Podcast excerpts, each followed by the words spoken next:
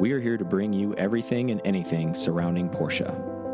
I'm Mike, I'm Aaron. and this is P Car Talk. Welcome to P Car Talk. I'm Mike, And I'm Aaron. and we are back in the studio. We want to thank JRZ for being an ultimate sponsor for us. Um, my suspension is getting made right now for the Turbo S. As I'm speak. crazy expen- uh, excited. Excuse me. Expensive About- and excited. Yeah. All at the same time. It is expensive, but I'm excited. Um, it's going to transform the car, right? 100%. What are you What are you running now? You're not running anything right Just the Or- roof, coils. So- so there's some suspension Bilstein. Yeah, Okay. but I mean, they really and I have H and R's on the backside, and they have Tarett fucking drop links. Like it's Okay. gonna be, So it's. I mean, it'll be. You'll notice a difference. it's least, gonna, it's complementing what they're making. They're making a three way pro suspension. Mhm. It's gonna have external reservoirs on it. It's gonna be lightning, and that's gonna be a flex too because we're gonna put on the half cage, and it's Yeah. for everybody to see. You know, Mike style. Well, and and that, that's a good point too. Is it gives you a comparison whether something you have that's already a coilover to what you have now, is the adjustability and all that. Yeah. I think the nice part, like you said, we're going to be in the mountains, so it'll be softer on the way up. Yep. And once I'm there, I'll dial it up externally.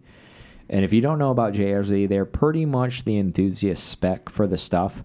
Um, and they do overlanding, they do everything. So they're Yeah, pretty they much do. top notch, is the best way I can explain it.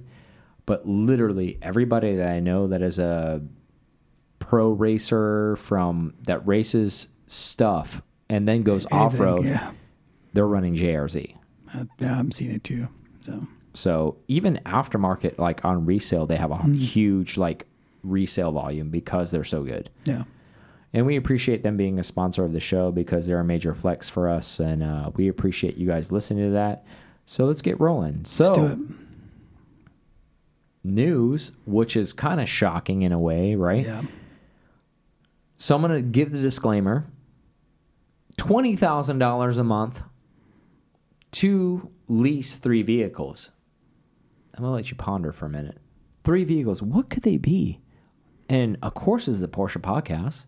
So what they're going to be Porsches. three, three Porsches is what I'm thinking. Wow, I'm going to pay 20 grand a month. What could that be? I don't have no idea. So, there's a Connecticut based company who's offering this opportunity for whichever individual, whoever's interested.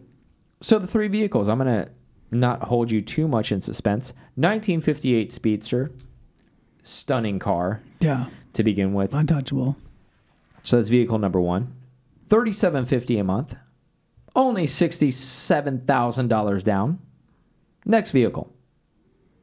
1973 911 2.7 RS, like an OG.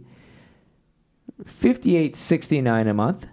Only $110,000 down. Next vehicle. Number 3 on the list. 918 Spider. Only 79.25 a month. $7,2500 a month. With only $175,000 down. So, that equal for 60 months. So they're offering this. The interesting thing about this, most of the listeners are probably listening like, who in the F would want to do this? Yeah. Well, you know, there's a lot of one percenters that have grown to that class has probably become 10 percenters uh, that make a lot of money. And if you don't want to pay an asinine of money uh, in taxes, maybe you want to lease these cars because this is what this is is a lease offering. However, with that being said, you're looking at putting basically $350,000 down initially and then you're paying 20 G's a month for these vehicles. Do they cover any like warranty stuff, or do they cover any like services or any of that stuff, or is it just I just Un- put money down? That is uh, TMU, true mileage unknown, my friend.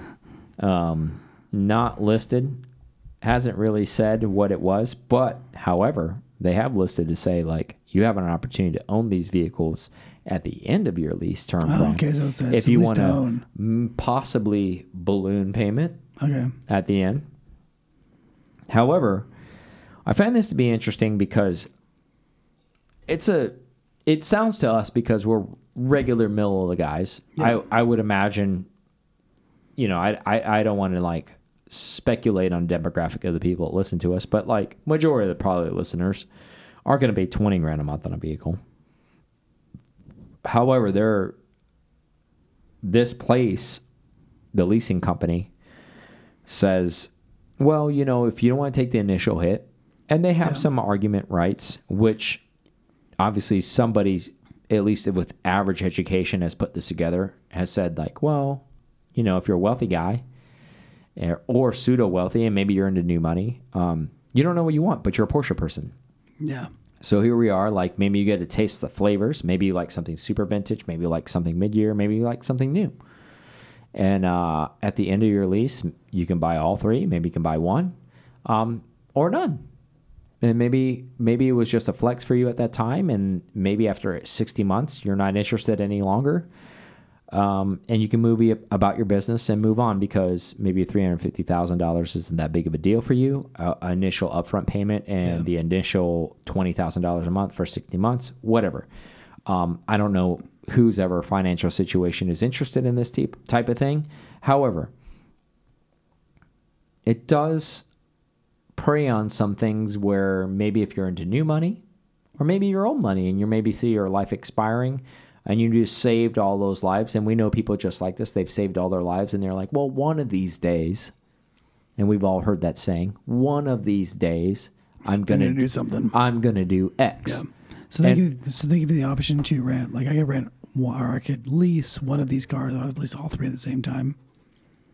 correct Okay. correct um, But if I wanted to, I could drop four hundred something thousand initially, and then Of course. whatever it is per month. Of course. So and and they're not denying at any point where you could just go out and buy these things outright and probably spend less or equal money. Yeah. But what their argument is saying is if you're a position in a person like who's maybe come into money or has sat on money for a long time, which we have relatives, you and I mm. both, that haven't bought anything for themselves for a very, very long time. And maybe they're in a position in their life to say, like, hey, I know my time's expiring. I want to have some fun. I want to do some things. And um, maybe this trio appeals to them. However, do you think this is nuts?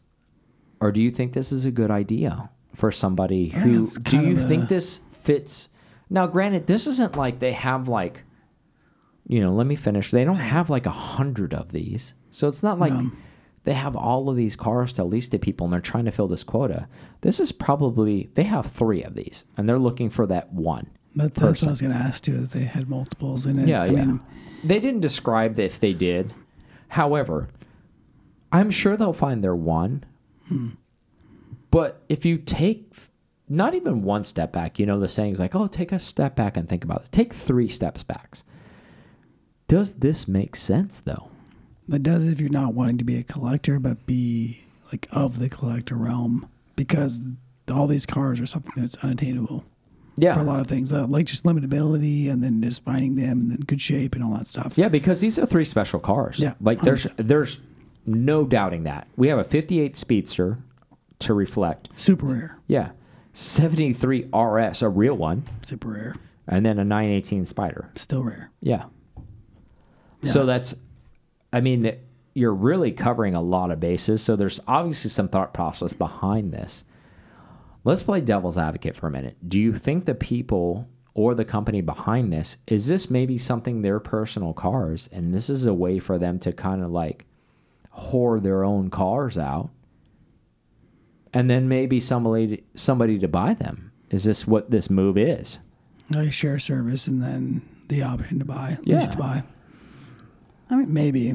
But I mean, I think they have a bigger game ahead. I think I think they would expand this if this worked. I think this is their trying or their testing time where, hey, if we can do these three cars, which we know are ultimately special for all these scenarios, or maybe we have the guy that does all three or the lady that does all three, maybe. Um, maybe we expand this. Maybe it scales to something different because there's no one out there. I mean, Yeah, maybe let's see what this develops doing- into. yeah, I mean, Porsche's kind of doing that whole subscription service, so maybe they were kind of wanting to piggyback off that and say, well, let's do it, take a little different uh, aspect to it, and do a high-end supercar, unattainable speedster, unattainable RS, Mm-hmm. and see if those people like that and then are willing to pay this much a month because these cars you can't just. I mean, it's still it's way cheaper than buying these cars. You're right because like you have like you have to hunt them down to Yeah. begin with. Let's not let's not discredit the time that takes to find these. I would hope that all these are going to be in immaculate condition. All those. Of course they would be. Of course they would be. and all that. But yeah, And then, not to mention the flex that comes along with that, right? Like wherever Yeah. you decide to take these, Rennsport, Cars and Coffee, whatever event you decide to take these to, whether even if it's none of those, like wherever you want to go to, bar and you know yeah, whatever. yeah, dinner with your significant other, wherever it may be, you have full access to all three of these. Um, and I would imagine if you're making a significant income, this is this is peanuts for you at the end of the day. And I, I think this could appeal to somebody who's really out there crushing it, crushing it financially, right? I think so. I think you're right. I mean, it, it, uh, it solves the problem of having to, like you said, the time to find something, to test the waters, and to come back and figure out if I want it or I don't want it. If I do want it, I get to buy it. Yeah. That's that's the that's the best part about it is I'm not losing money at the end of the day, but just renting the car. I get the the the time to spend with the car and see if I like it. And if I really do like it, at the end of the day, I make it mine. Mm-hmm. Versus just kind of testing it out and just it goes away. Yeah, and let's not cut the shit around this because this can turn somebody who's kind of like making a good living and you know who I think about this is not fair, but like somebody who's maybe a, a, a younger tech guy who doesn't know dick about cars, right? And maybe he enters into this oppor- like opportunity to to get these three cars, and maybe he does like cars to a certain degree, but has no knowledge about them. This instantly gives him Porsche credit, right? Because you have like all, all layers of Porsche, and now instantly you become this. Hey, this guy he's got his shit together. He's got a 58 Speedster. He's got a 70 because no one's going to come to say like, "Oh, well, I'm just leasing these cars." They're all three of these cars are in his garage, Yep. and he has an option to buy these cars, or she has an option to buy these cars. I I mean, it's the ultimate flex on on the backside of this. Well, and the easy way to test without having, like you said, without having to go and hunt these things down, what, of what you like. Mm-hmm. No matter how much expensive you think this is, it's not for a certain caliber of person. It's just a everyday thing, and it's an easier decision to make. Yeah. So at the end of the day, it's it's it's for a very very small amount of, of people, and there's probably like a very limited quantity of people Are that there- would be very interested in this car. Would there be any like? Would there be a three that you would put in here besides these three? Would there if you if you built the built the package? I mean, Yeah. you know we're race car guys, so that's Yeah. that's different. Or GT I think cars. it's tough or, because like I, that's a great question. would you go because- 550 Spider and then go GT3 something? Yeah, TRS, I think that's a or- really really great question you you you bring to the table because like maybe I wouldn't discredit the first thing because Speedster is always classic, Yeah, but yeah, classy. like you know 550 Spider is really tough to get a hold of, but you know something in the mid year range, I I. I, I, I would have maybe something like even more rare yeah. than a 73 RS that would like maybe want to put me in the game. Mm. But I think this company at that same time is like they're trying to protect themselves by not going ultra ultra rare because I would think of something in the in that range like like we've talked about before like the Pablo Escobar car or something Yeah. like a like something to that range like maybe an IROC car. still can be on the street. Yeah, like an IROC car, like that's even more flex. Like it doesn't even necessarily be in that car, but there's a lot of stuff. Like maybe something ultra ultra rare, like a, maybe a 934, like that's the the one Jerry saw Yep. um, at Luftgekühlt that he had, like a one of like 14 or 15 that was built, or Kremer Street car, or something, yeah, something like something, that. Something or or, or singer even. Yeah, Singer is a good call. yeah.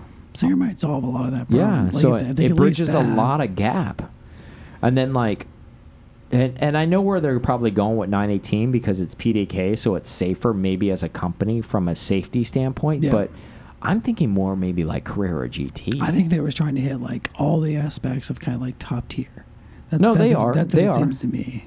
But yeah, But- I agree with you. But I feel like at this point, if I have to think modern Porsche, the most ultimate car for me, modern Porsche wise, would be mm-hmm. Carrera GT. Even to this day, even with the 918 existing, I I don't care about performance numbers. I'm talking about driver enjoyment. car. Yeah. Driver enjoyment, where you're rowing through gears. Like, and let's and, and let's be honest. People buy GT3s manual not because they're going to be the fastest out there, because they want to row through the gears. They want to take it to that red line and they want to shift it. Yep. And I think that maybe this if you and I were doing this, maybe we could shake it up a little bit and do that. But on the flip side, maybe they're being business savvy because Yeah, at the same would- time they're just like, look, here's the deal. that, yeah. Like we don't want you rolling through the gears Yep. on a Carrera GT because you're going to destroy the clutch. Because we want it back. Well, what if they don't buy it? Then then you're stuck with Yeah. something that could be ruined. Yeah, you're you're stuck with a mm. fifty thousand dollar clutch replacement, and this ass clown who doesn't know how to shift it because he's just trying to flex has ruined the car. So that's that that that's there. Yep. So I get maybe where their headspace with this is. It's maybe you have to, and that's what sucks about these kind of models. You have to balance business safety behind smarts and enthusiasm, But it's right? also the first iteration of it too, though. They could go with these three cars and go either this worked or it didn't work, or what do you want to see more of? Or, That's or, true. Or did these not? we can see how well this does or doesn't do, right? And then and then maybe we'll see more of this. But Maybe then why wouldn't- maybe I can lease these three cars out. Maybe I can lease, lease my Turbo S, my 964 Yeah. and the Safari out, right? And I mean, like who wants to take them? If there was a series, if there was something like a Turo for Porsches to do it, um, but why wouldn't Porsche be doing this? I mean, they're they're the. I mean, they're already doing a subscription service. Why would they kind of go? You know, we got some stuff hanging around. It's probably too much of a pain in the ass for them to manage, and there's not enough meat on the bone for them. Maybe not. Yeah, That's true. what I think. Like, what's the point for them? Let right. let the aftermarket people handle yeah, that. We have an exit idea then. yeah, let let the aftermarket people fight over that that scrap. All right, Turo for Porsche's coming. Yeah. Watch out. P-Car Talk. Done. Hosting it out. Interesting, nonetheless. Let's move on to a next topic. Sebring. Obviously, you're listening to this on a Thursday. 12 hours, 69th Yeah. annual. Yeah, it's happening this weekend. Yep. Um, clearly, uh, what is it? WeatherTech has learned. yeah. from I Daytona. think they're bringing out two cars. No, they're gonna. No, they Yeah, are running two they are. cars. They have Okay. announced their teams. Um, so they've learned their lesson from the uh, other German car, car that tried to like take them down. Yep. Speaking of BMW, who punched them in the rear at the beginning. B&B, So they're going to yeah. run two cars at Sebring, and I think for the rest of the season, good for them on doing that. Um, Aaron and I will not be going to that race. Um, the reason behind that is diluted in a way, I guess. Like, I'll let you talk about Yep. your your reasonings behind it, and I'll elaborate behind that. Why aren't we going to Sebring this year? We're not the biggest fan of that. I mean, the track itself is okay, and it would be better if there was more experience involved behind it. As if we had to walk the track, we got to see the cars, we got to do. There's a lot of things that still are kind of. And that's more of a recent limits. development, though. That's That's, like a COVID. but- co- that's a COVID But thing. but otherwise, it's just like dusty. It's hot. It's not. It's not the best vantage points unless you're on top of the. Yeah. Uh, the whole all, all over all the um, the pits and the Mhm. paddocks. Eh, It's okay. It's not. It's just not the best. The best track. I mean, that's where. That's so I'll close. I'll close with what Rolex. Aaron's saying. Aaron is basically saying it's a great driver's course because I'm sure if whether or not you're an, an enthusiast and you've read about this, and whether or not you've been on it in Mhm. Sebring, and I've been on Sebring, it's a challenging course for a driver and a challenging course for a team. And I'm not. There's no denying that. No. On the flip side of that, from an enthusiast standpoint, to actually watch an endurance race at Sebring is very convoluted. And what I mean by that, there's only a several vantage points to actually watch this race from that actually looks nice from to Yeah. enjoy. And to watch a 12 hour race while you're there, and if you've never been to Sebring, it's basically two fucking hours in the middle of nowhere, fucking Florida, and there's nothing from else us, yeah. around Sebring other than Sebring. And there's so many drivers that talk all this shit about like, oh, it's so great, it's all that, and I'm not discrediting what they're saying, but they're driving. Yeah. So they're in the car, they're enjoying the experience. However, from a spectator standpoint, like Aaron said, it's a dust bowl. It's hotter than hell usually, yeah. and it's a pain in the ass to try to watch anything because there's nowhere to ever sit, there's nowhere to ever hang out, and it's actually. And I'm not trying to beat Sebring up. Don't get me wrong. So don't burn me at the damn stake for saying this. I'm giving you the no bullshit assessment because I, we have lots of friends that go. We go usually all the time, but I'm telling you that from years and years of being there, like I'm over the shit because there's mean, really and, just uh, it's you're exhausted as a spectator Well, yeah, by standing around all damn day watching these guys race and especially with COVID involved, and you don't get to walk the grid walk, which is one of the best things, and being in the paddock and doing all those things, that being eliminated, you can save that shit for the birds. Like I rather watch it on TV at this Yeah, point. and it's weirdly like the corral is also expensive. Like it's more expensive than anywhere that I've that yeah, I know about for a twelve-hour damn race. Yeah, like you and I pay corral passes for for uh, Daytona, and as expensive. what is it like Thursday, Friday, Sat like it's Friday, Saturday, Sunday corral, and it's cheaper than Sebring for one day, Yeah, that's weird. Which makes zero damn sense. You know why? Because no one ever pays shit to go to Sebring, and the only time they basically have anybody time to charge anybody thing is for the damn race. hours, so yeah. they fleece everyone for that. Yeah. So essentially, you have an assload of people trying to go to a small place. And again, this is no knock on Sebring. I'm not. Don't take this the wrong way. Where I'm trying to beat the shit out of Sebring. It really isn't. I'm just giving you a personal opinion. I understand Sebring is super historic. I like history. Don't get me wrong, but history can be watched on television. It can be. I mean, we have friends with RVs and stuff, so it makes it. I mean, it's a different experience if you have enough friends and cover. And It's just a damn stuff, lot of effort for people to go there. And then now, especially, okay, I've already mentioned the COVID thing. So, like, We've done it people haven't even wrestled in the last couple yeah. years. I'll mention another thing. No one is putting up any type of manufacturer booth anymore, basically, other than like Yeah, Lexus, Corvette, and uh, uh, like Porsche doesn't put a booth up anymore. Mm-hmm. There's no like fun fan interaction shit like That's for people to go to anymore. Yeah. So, like, what are you really doing there? Other than getting sunburnt 100% all the time. and being exhausted to go watch Heat stroke. basically okay so these guys are running what sub two two minutes or around two minutes so you get to see like seven seconds of them to go by at whatever corner you're at it's exhausting Yeah, it is.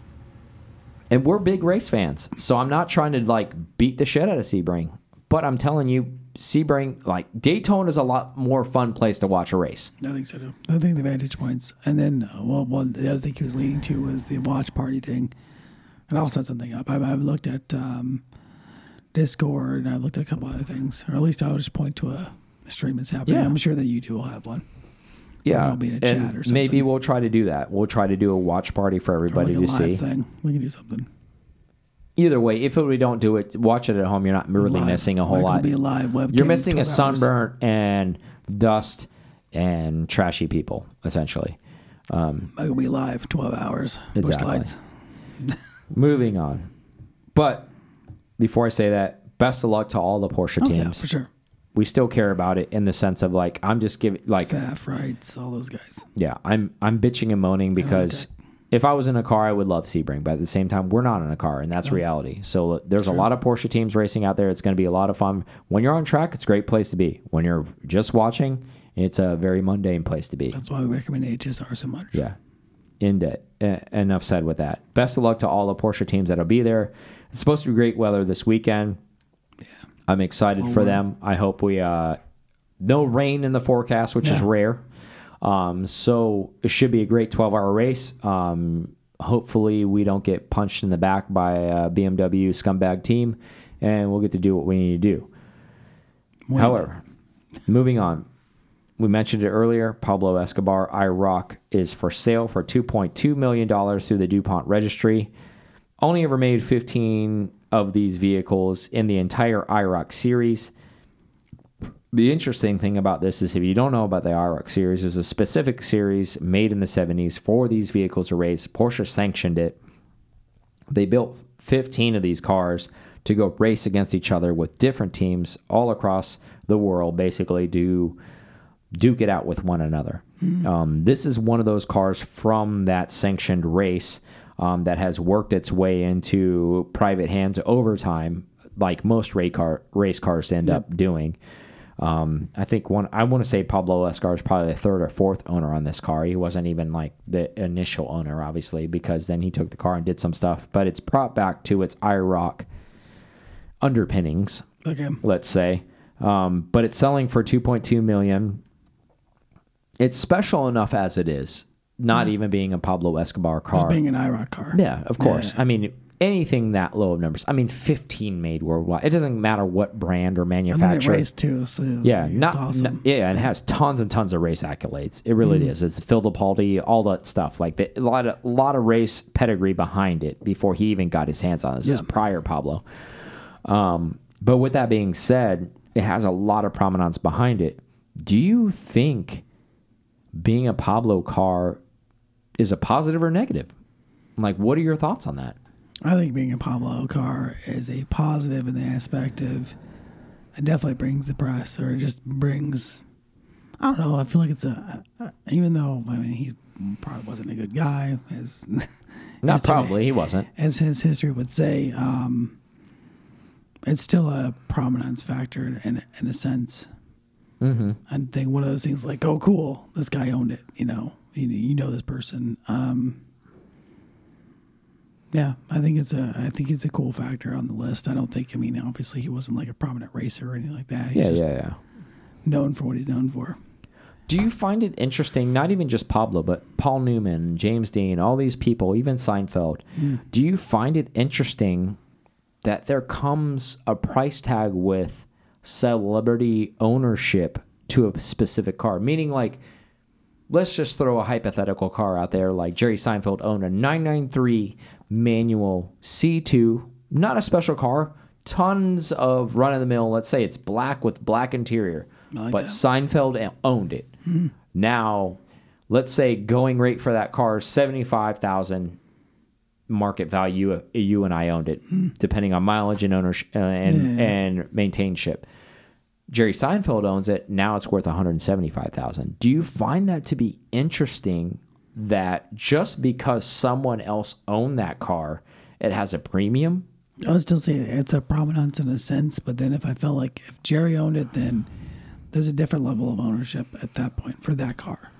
Like even if it was just Joe Smo that owned it, maybe he wouldn't go to the level of detail of upkeep that Jerry would in mm-hmm. that sense. But that, I mean, I guess it would be per person that owned it. But yeah, I still think that it still speaks to what everybody likes, and that's a story Yeah. and that's the story that you get to tell afterwards. Not like necessarily that that how Jerry took care of it or what he did with it, but just that he owned it or somebody else owned it, or that's that story that you get to tell. Yeah, I the agree with the second part of what you just said because the first part about that is you and I could spend the money to own, like we could prove it by documentation. Yeah, So I think the first part about it is just because they're a celebrity, like it could be even just that guy could scumbag the car even more because he's so and so Yeah. and not maintain it as much. And because he has 150 cars, he doesn't need to maintain it because he doesn't even drive it. So what? He put an oil change and like Jerry owned it, so now it's more special it's Jerry's always change. but you know, and I hate to use his name or whoever. Like Yeah. it doesn't matter. Like Aaron and Mike own the car, and you can prove it by documentation. That doesn't mean it's like less maintained. And I'm trying to argue your point, but I do agree with the second part about that. But I feel like a maintained part like, can be proven. I mean, mm-hmm. like I prove, I prove my, or or you you bought it right with all the receipts, and I think regardless of who owned it, like that can be proven. I think some of these things, and like to all the listeners, don't be that guy or girl who ends up paying a, a significant premium just because somebody else owned the car. Because at the end of the day like i think you're being screwed over at that point because who gives a shit if magnus own, magnus owned the car or steve mcqueen owned the car? Like even when his rolex when he's talking about like oh well that was paul newman's rolex. Okay well great. Like why does that make that mean, worth more I mean, that's the only that's the only. it's the same it's the same fucking thing as something else that was built that year like and i agree with the second part of what you said like there's a story associated with that Mm-hmm. That's and that's I'm where saying. like i'm piggyback on like maybe there's a little bit but i feel like there's a huge delta involved in that it's not like oh you own that car and like on normal market it sells for 75000 and like because aaron owned it it goes for a 100 no it's like a massive amount of money like there's a, a But that, but there's there's that. another hundred thousand dollars slapped on the top of But it because you be- owned it.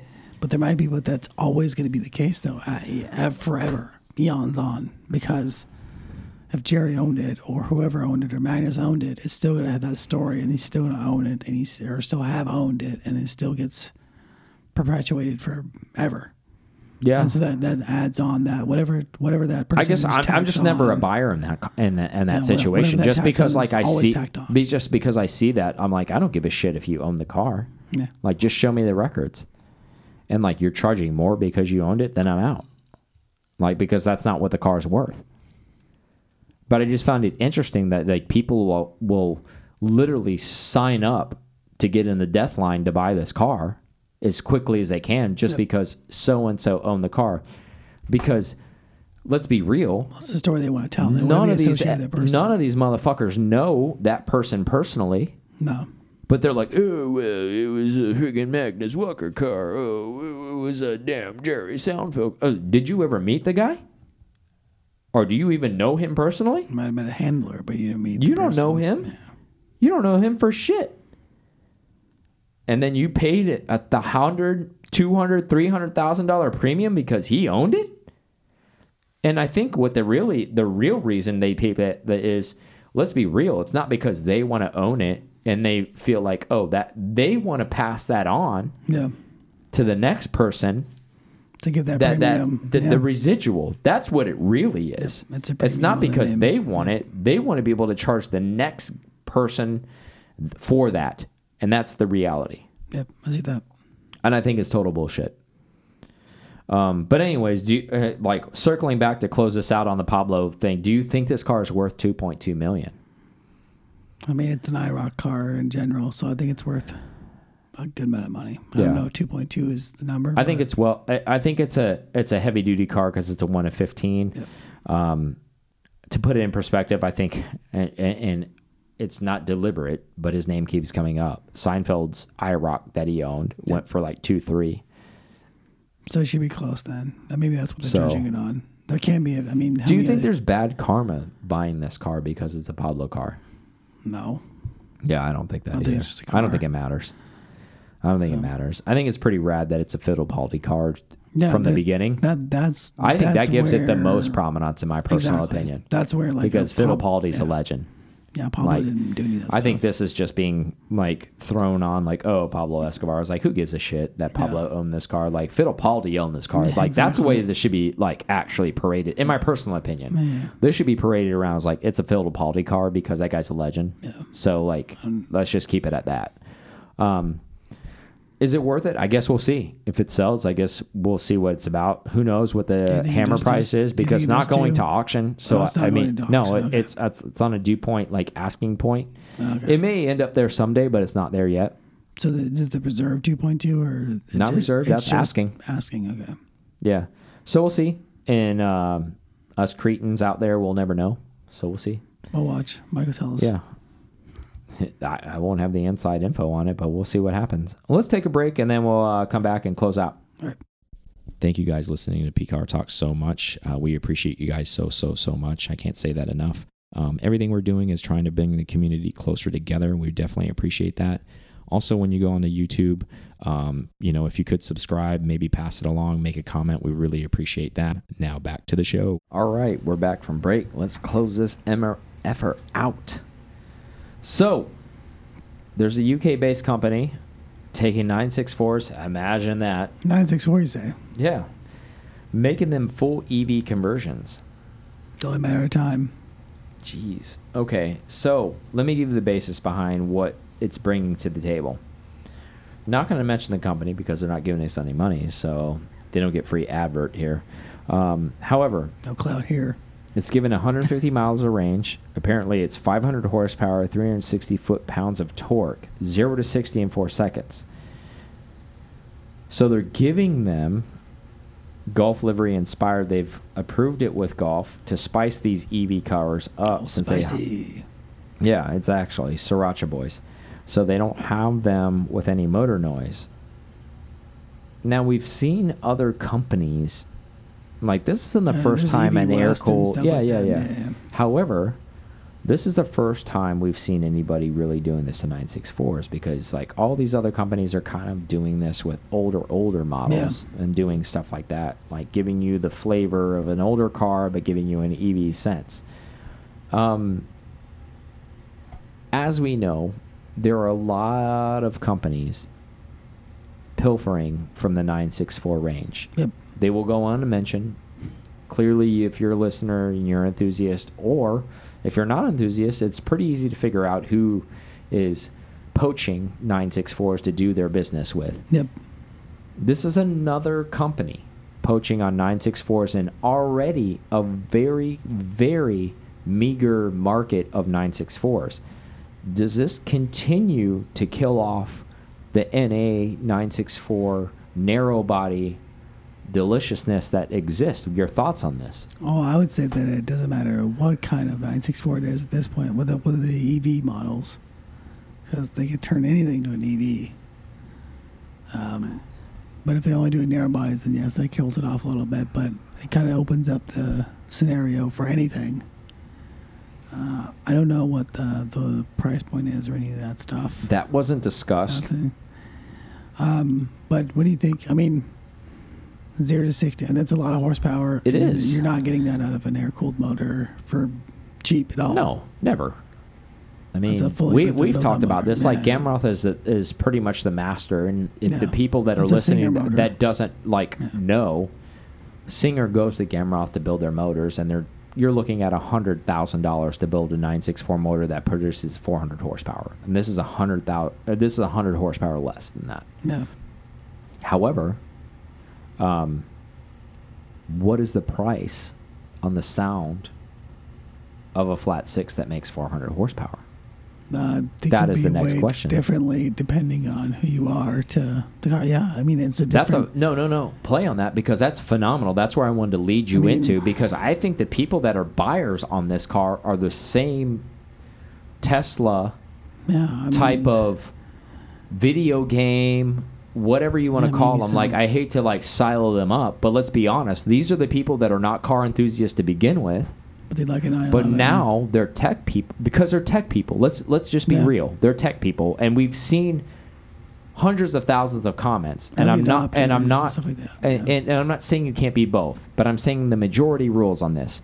Most of them are saying that hey, I was not interested in any kind of vehicle prior to a Tesla. Now I'm interested in vehicles because of XYZ and the technology behind it. Mm-hmm. So I think maybe these companies that are making moves like this are trying to prey on people like that because let's be real, some of those tech people make a lot of money. Yeah. So they're saying, okay, three, four hundred thousand dollars for a classic with an EV technology. Mm. Are you interested now?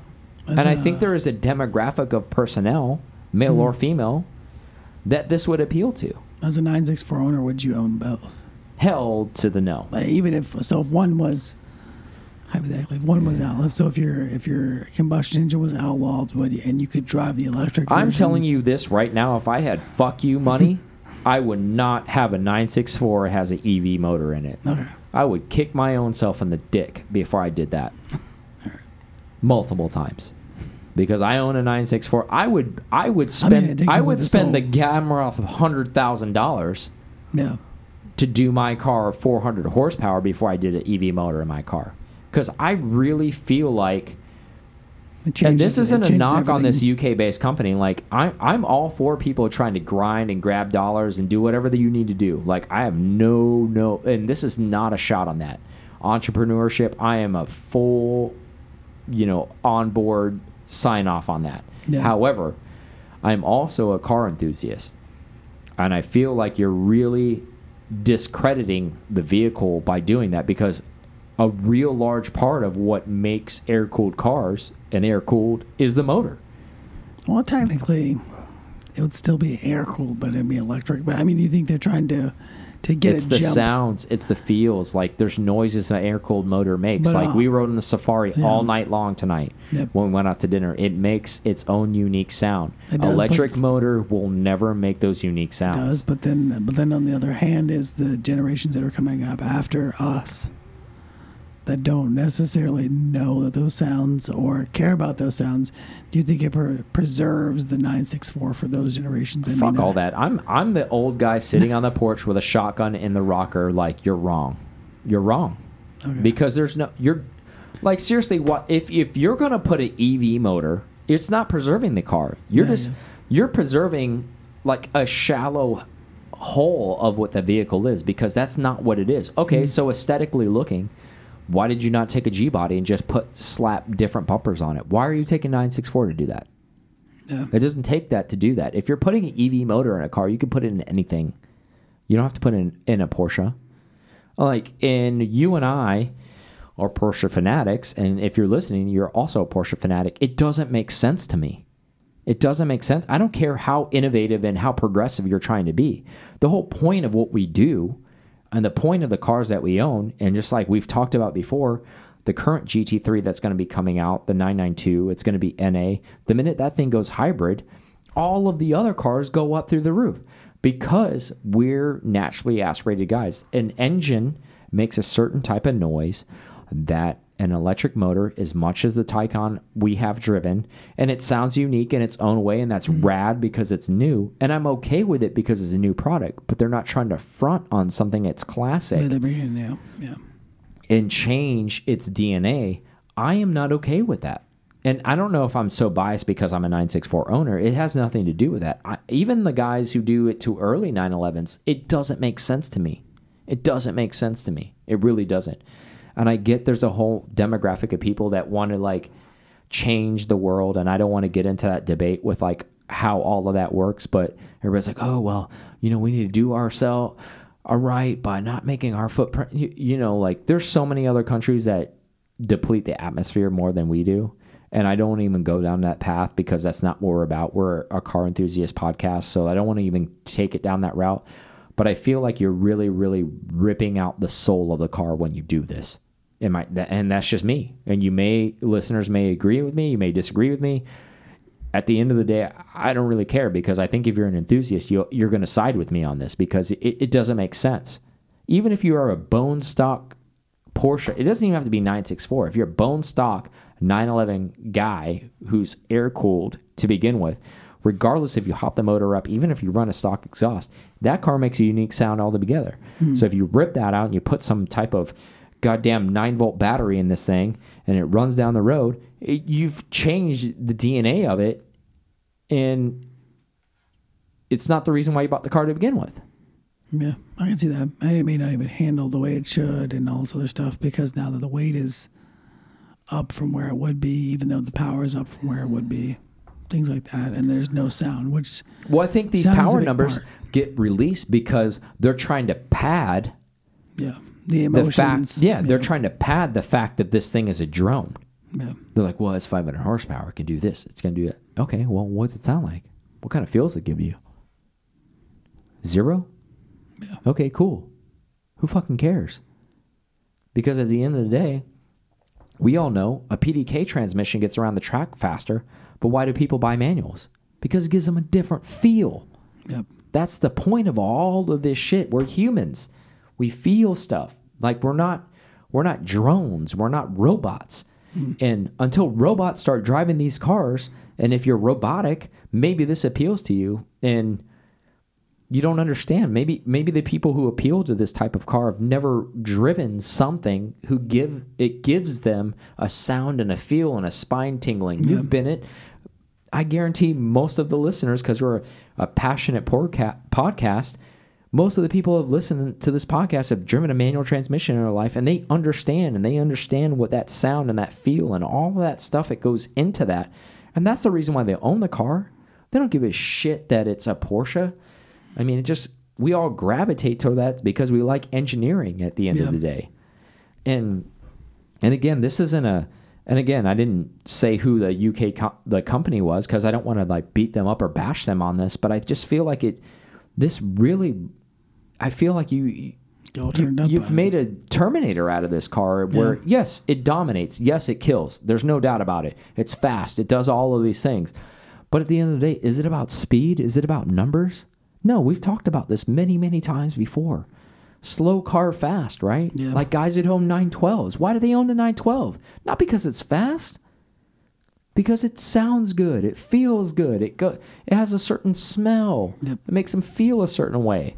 I just feel like these electric cars are soulless. I think I think they might get proved wrong too um, with those e fuels coming out. I think when Yeah. Porsche releases them and they really do what what we think the the e fuel is going to do, and not what other people kind of said. I, they'll keep a combustion engine and things like that without having the emissions.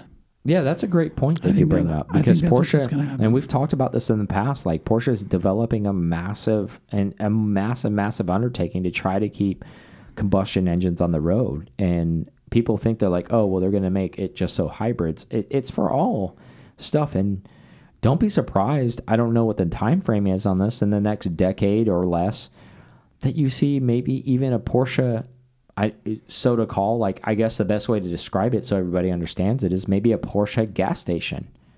And it's not just for Porsches, but it's for non it, it's for combustion engine cars to go f- run on this e-fuel so they can meet commission like emissions and still be legal on the road. I, I there's a huge huge undertaking by Porsche behind the scenes that people don't realize that obviously if they're doing that they believe in the combustion engine and they want to keep their combustion engines running for a long long time and 75 to 85% of their current fleet not even just modern but through the inception of their vehicles are still on the road hmm. so kudos to them as Porsche as a brand to think about the longevity of that because if they don't they don't think about that, the EPA is not thinking about that. No one else is thinking about that. The fuel companies aren't thinking about that.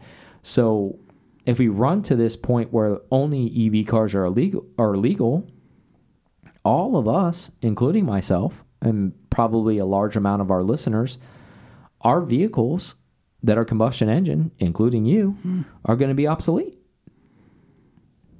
Yeah, I think that's the way they can keep everything on the road, or, or, or, or at least a solution that's outside the electric, just trying to electrify everything.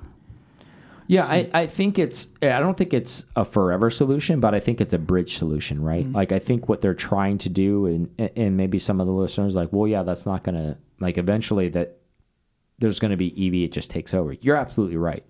I think that day is coming, but I think what Porsche is trying to do with this e fuel type of A situation stopgap is some sort. yeah, they're trying to bridge that where maybe instead of it happening in the next 20 or 30 years, maybe it doesn't happen for another 150 years.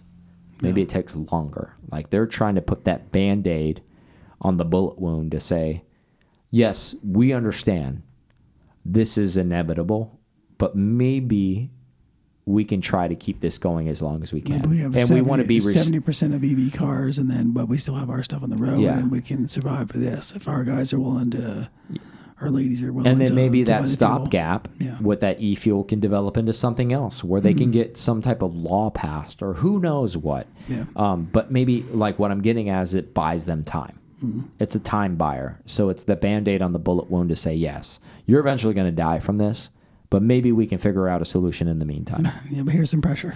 yeah. Put some pressure on this. We'll figure it out. Here we go. Um, long term, like to close on the on the nine six four. Good for them for being entrepreneur to try to some to do something. I'm not trying to beat them up.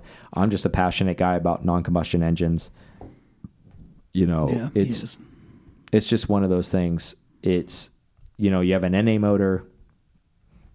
It's just it gives you different sound, different different feel. You'd rather be stock than be EV. Yeah, I'm gonna be that old grandpa sitting. I'm not kidding. I'm gonna be that. I'm gonna be on this. Hopefully, maybe someday when we're super old and be like, God damn it! I remember when we used to be able to buy these sons of bitches for like eighteen thousand dollars, and now they can't. I can't even drive this bitch on the road now.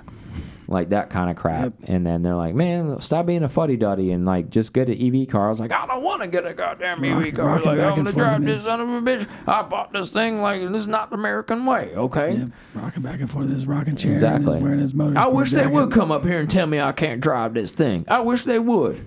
You know, you had that wish factor, but Yep. you know, and then my old ass end up in jail or something like that, and then like real sad knew that I'd I, be here. yeah, real sad that I'm there, and then asking Aaron to come get me because he complied and I didn't. So, but anyways, What about that?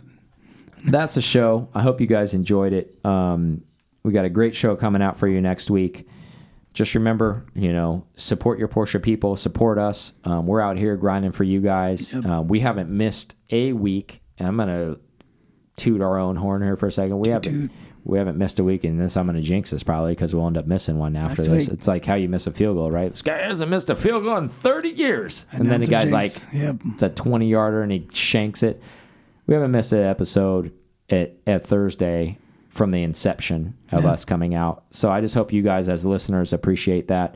Um, and we appreciate you guys as listeners, and we appreciate all of our club members. We had a couple new club members join up. As we remember, like we're only taking a hundred. Um, we're so it's like closing in on that as we speak, and once we get a hundred, yeah. that's it. And uh, we're done. donezo. And what I mean by that is there's a waiting list after that point. So go ahead and join the PCAR Club while there's a few spots left.